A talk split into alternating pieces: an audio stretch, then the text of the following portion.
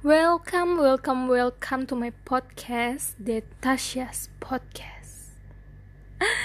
Ini tuh podcast pertama aku. Aku tuh nggak tahu kayak masih mikir kayak konten apa yang mau aku bawain buat podcast aku gitu kan. Dan aku kepikiran kayak apa episode pertama ini isinya itu tentang aku bacain uh, jawaban-jawaban yang ada di Quora. Buat yang gak tau Quora Quora itu kayak aplikasi jenis ACFM cuman kalau Quora itu dia uh, ruang lingkupnya lebih gede gitu. Setahu aku kalau misalkan ACFM itu dia cuman bisa tanya ke uh, kita cuma bisa nanya ke followers kita setahu aku. Um, tapi kalau di Quora itu kita uh, post pertanyaan dan itu tuh yang bisa jawab pertanyaan kita tuh semua orang gitu loh. Semua orang uh, mau orang itu nggak follow kita atau itu mereka masih tetap bisa jawab pertanyaan kita. Jadi ini aku bakalan baca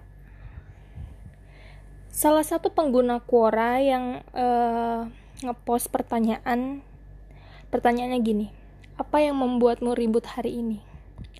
Lalu ada salah satu pengguna Quora dia menganonimkan uh, biar apa biar user dia tuh nggak kelihatan jadi dia uh, post jawaban kayak gini. Kemarin saya membuka Instagram story teman saya. Isinya adalah foto dia di McD kira-kira seperti foto di atas. Nah foto yang dia post itu adalah foto seorang cewek yang lagi uh, makan di McDonald gitu. Terus kayak dia lagi megang minuman terus kayak ada makan makanan gitu kan. Dengan caption jadi teman dia tuh uh, post story kan. Jadi storynya tuh kayak uh, dia tuh lagi ada di McD terus ditambahin caption nggak mood makan nasi. Lalu si uh, user anonim ini dia bilang seketika darahku mendidih. Bukan apa-apa. Itu orang pinjem uangku 500 ribu. Dan sampai sekarang utangnya masih sisa 200 ribu. Gantinya aja dicicil cuy dan setelah empat bulan masih belum lunas. Apa coba? Dengan amarah yang membara, langsung saya replay snap story-nya tanpa basa-basi. Hutangnya beb, kata si user ini. Lalu si temannya yang ngutang ini tuh marah. Katanya gini, lo tuh kok nggak bisa sih ngelihat orang seneng, kata temannya gitu. Terus si usernya bilang, ya nggak gitu sis, ini ceritanya lu ngutang. Hello, katanya gitu kan. Langsung temannya ini bilang, ya pulang dari sini gue langsung bayar, gak usah bacot anjing, katanya gitu. Idih, ganas banget mbak. Lalu Abis itu dia langsung bikin story pakai tulisan yang intinya dia nggak habis pikir sama orang yang susah banget ngelihat orang seneng. Maksud gue kayak yang nggak gitu cuy. Ini masalahnya lo pakai uang dia sementara ya mungkin si usernya ini juga ngiler ngelihat Big Mac tapi mesti ditahan-tahan biar hemat kayak ngerti gak sih? Dan sampai sekarang tuh masih belum ada kabar si temennya ini terus uh, si, us si usernya bilang by the way dia main Quora lo bodo amat deh kalau dibaca. Tapi saya nitip quote dong dari agan-agan sekalian buat teman saya ini kali aja gitu kan dibaca gitu. Maksud gue kayak cuy lu ngutang sama orang tapi kenapa lu yang lebih galak? Gitu loh. Itu kayak bukan udah rahasia umum lagi si pengutang itu lebih galak daripada orang yang ngasih utang. Ya gak sih maksudnya gini maksud gue kayak gue tuh juga bukan sekali dua kali ketemu orang kayak gini cuy. Kayak oke okay lah kalau misalkan utangnya tuh dikit tuh kayak kita tuh kayak masih oh ya udahlah mungkin dia lupa bla bla. Cuman kalau cuy 500 ribu itu kalau udah 100 ribu ke atas even itu duit dia sisa utang dia cuma 200 ribu tuh tetap duit cuy. Lo bayangin 100 ribu aja tuh lo bisa beli bakso berapa itu lo bisa beli lipstick buat yang cewek bisa beli. Aduh bisa beli indomie sekotak kali. Makanya kayak lo kalau misalkan punya utang tuh ya dibayar gitu kan. Lo harus mikirin juga teman lo yang ngasih utang itu kan dia kan ngutangin lo itu kan karena dia percaya sama lo. Jangan lo malah ngecewain dia dengan alasan kayak e, oh ya udahlah namanya juga teman sendiri. Kalau misalkan uh, bayar utang mah bisa nanti nanti enggak cuy. Nih gue kasih tau. Gue ya gue sih orangnya pernah ngutang. Kalau misalkan dibilang uh, gue pernah nggak sih ngutang sama orang sampai ratusan ribu? Jawabannya pernah. Dan itu gue ngutang sama sahabat gue sendiri. Dan gue itu posisinya kayak aduh gimana ya? Gue lagi kayak kere banget pakai banget banget. Sedangkan kan orang tua juga uh, mesti bayar sekolah adik gitu kan akhirnya gue minta tuh uh, gue minta tolong sama teman gue dan akhirnya teman gue juga ngasih pinjem kan. Dan dia tuh kayak bener-bener sahabat gue kayak bener-bener klop banget.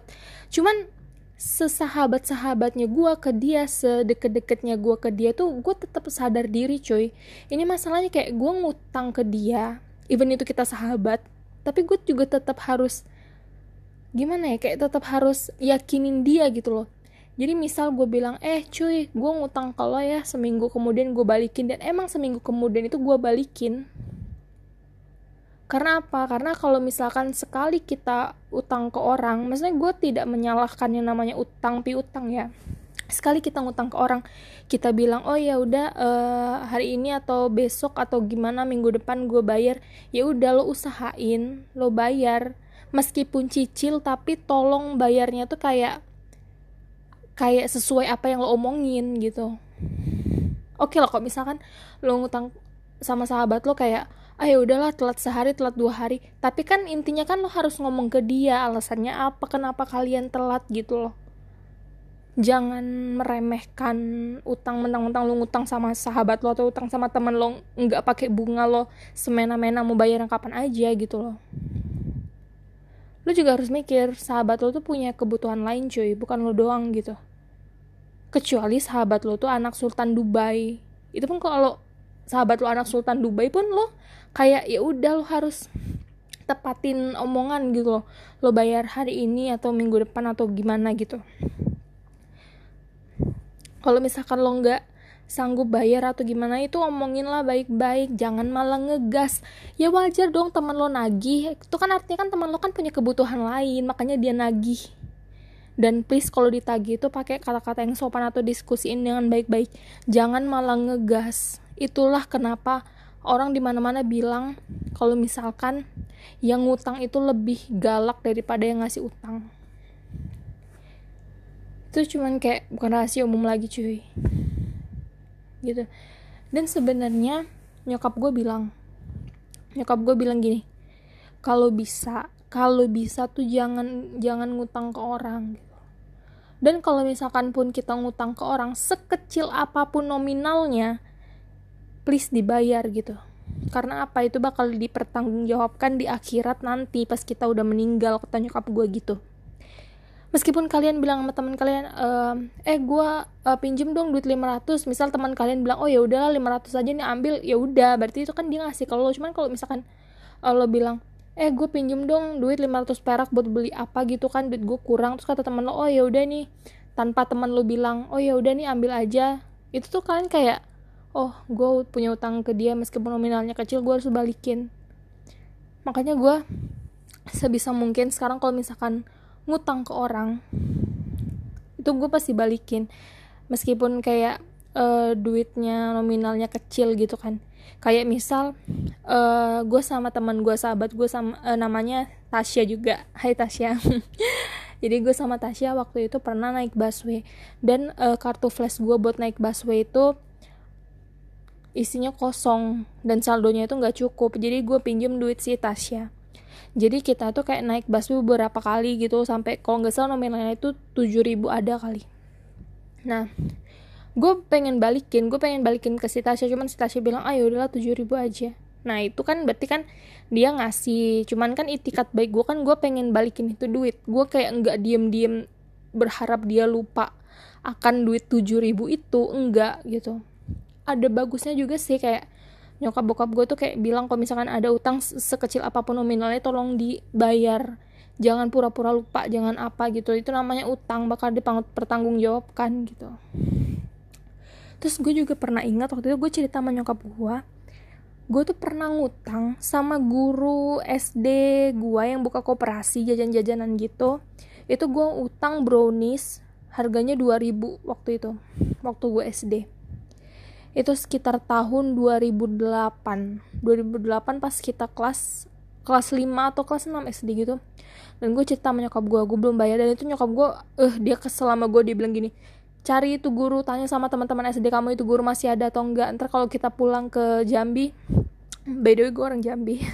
Ntar kalau kita pulang ke Jambi kamu bayarin lah itu duit cuma 2000 gue mikir kayak mam itu itu 2000 aku juga nggak tahu itu gurunya itu kayak dia masih ngajar atau enggak gitu kan. Itu sampai gue cari teman SD gue kan gue tanyain.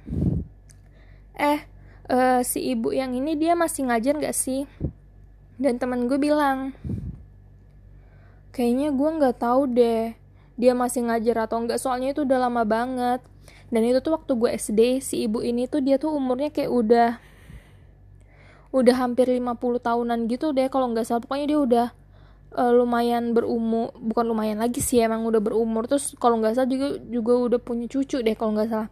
Makanya gue tuh ragu kayak ini ibu masih maksudnya bukan gue gimana gimana ya maksud gue kayak ini ibu masih ada atau enggak gitu loh. Makanya gue kan uh, ragu juga. Karena waktu dia ngajar di SD gue tuh dia tuh kayak udah udah berumur gitu. Dan itu juga gue lulus SD aja 2009 cuy. Jadi gue kayak bener-bener nggak -bener tahu. Dan nyokap gue bilang kayak tanya sama teman kamu itu ibu bayarin utangnya. Meskipun 2000 kan itu juga namanya utang nyokap gue gitu. Terus gue cerita lah sama si teman deket gue si Tasya ini. Terus kata si Tasya kayak ya udah sih 2000 aja pas palingan itu guru juga pasti udah ikhlas katanya kata si Tasya gitu. Kayak dia mencoba uh, membangun pikiran positif di diri gue gitu loh. Jadi ya udah jadi kayak ya intinya gitu. Sekecil apa pun nominalnya kalian minjem ke orang kalian juga harus balikin. Gak usah ada alasan uh, gim lo lupa atau lo apa. Kalau misalkan lo emang orangnya pelupa please bilang ke teman kalian kayak uh, eh gue pinjam ya duit lo sekian sekian. Uh, tapi gue orangnya pelupa besok ingetin ya biar gue bisa bayar. Kan itu enak juga.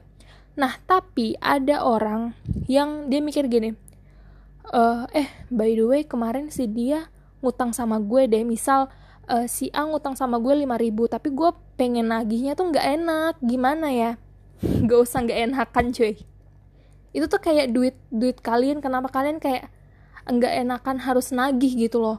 Meskipun kayak nominalnya kecil 5000 kecuali kecuali lo mikir kayak oh si itu utang gue 2000 ya kemarin. Ah gue samperin. Ah gue bilang aja kayak ya udahlah dua ribunya gue usah bayar buat lo aja atau gimana gitu kan. Itu kan artinya kan kalian ikhlas. Cuman kalau misalkan si pengutang ini dia bilang besok gue bayar ya duit lo tapi ingetin ya biar uh, biar gue bisa bayar soalnya gue orangnya pelupa. Nah ya udah kan dia sendiri yang bilang nyuruh ingetin. Ya udahlah kalian ingetin kalian tagih dengan cara baik-baik. Itu rulesnya kalau misalkan mengutang cuy. Makanya kayak gue tuh kayak gimana ya? Bersyukur juga sih maksudnya kayak ya gue selama ini tuh kayak ngutang ya gue selalu balikin. Dan rata-rata emang selalu tepat waktu gue balikin. Kecuali kayak misalkan um, gue ada bilang nih eh gue um, misal nih gue ngutang sama lo ya 20 ribu uh, ntar kalau misalkan gue ada duit gue balikin misal. Nah habis itu nggak lama dia bilang uh, eh by the way keperluan yang kemarin tuh gimana gimana ya uh, oh ya yang duit 20 ribu itu buat nutupin kekurangan kemarin gak usah dibalikin deh. Terus gue bilang oh ya udah kalau misalkan gak usah dibalikin berarti deal ya kita nggak ada utang piutang. Terus kalau misalkan teman kalian atau teman gue mengiyakan berarti ya udah clear selesai sampai di situ gitu loh. Ntar kalau misalkan dia ngungkit lagi kalian bilang aja lah kan kemarin 20 ribu itu kan buat ini buat nutupin kekurangan yang kita kemarin. Lo gimana sih? Kok masih aja lo ungkit? Nah itu kan berarti kan kalian gak ada salahnya dong mengingatkan dia cuman ya mungkin bahasanya lebih sopan lah ya dari yang gue contohin tadi gitu. Jadi mungkin gitu aja deh podcast episode pertama ini. Besok mungkin gue rencananya gue bakalan bikin podcast sama teman deket gue si ayang bebek Natasha Fraulin kita mungkin bikin podcast dengan pembahasan pembahasan-pembahasan atau topik-topik yang lebih menarik lagi atau mungkin kita bakalan bacain uh, pengguna-pengguna Quora yang ngepost jawaban mereka. Itu tuh kayak kasusnya tuh di Quora tuh banyak banget gitu loh guys. Jadi kalian bisa baca uh, kasus A kasus B dari pengalaman orang itu sendiri aka itu kisah nyata mereka yang mereka share. Meskipun mereka bikin user mereka tuh jadi anonim. Tapi ada juga beberapa yang mereka tuh nge-share nge-share kayak rahasia mereka selama ini. Tapi mereka tuh kayak enggak malu sama sekali buat uh, buat menunjukkan user mereka gitu loh dengan nama asli mereka.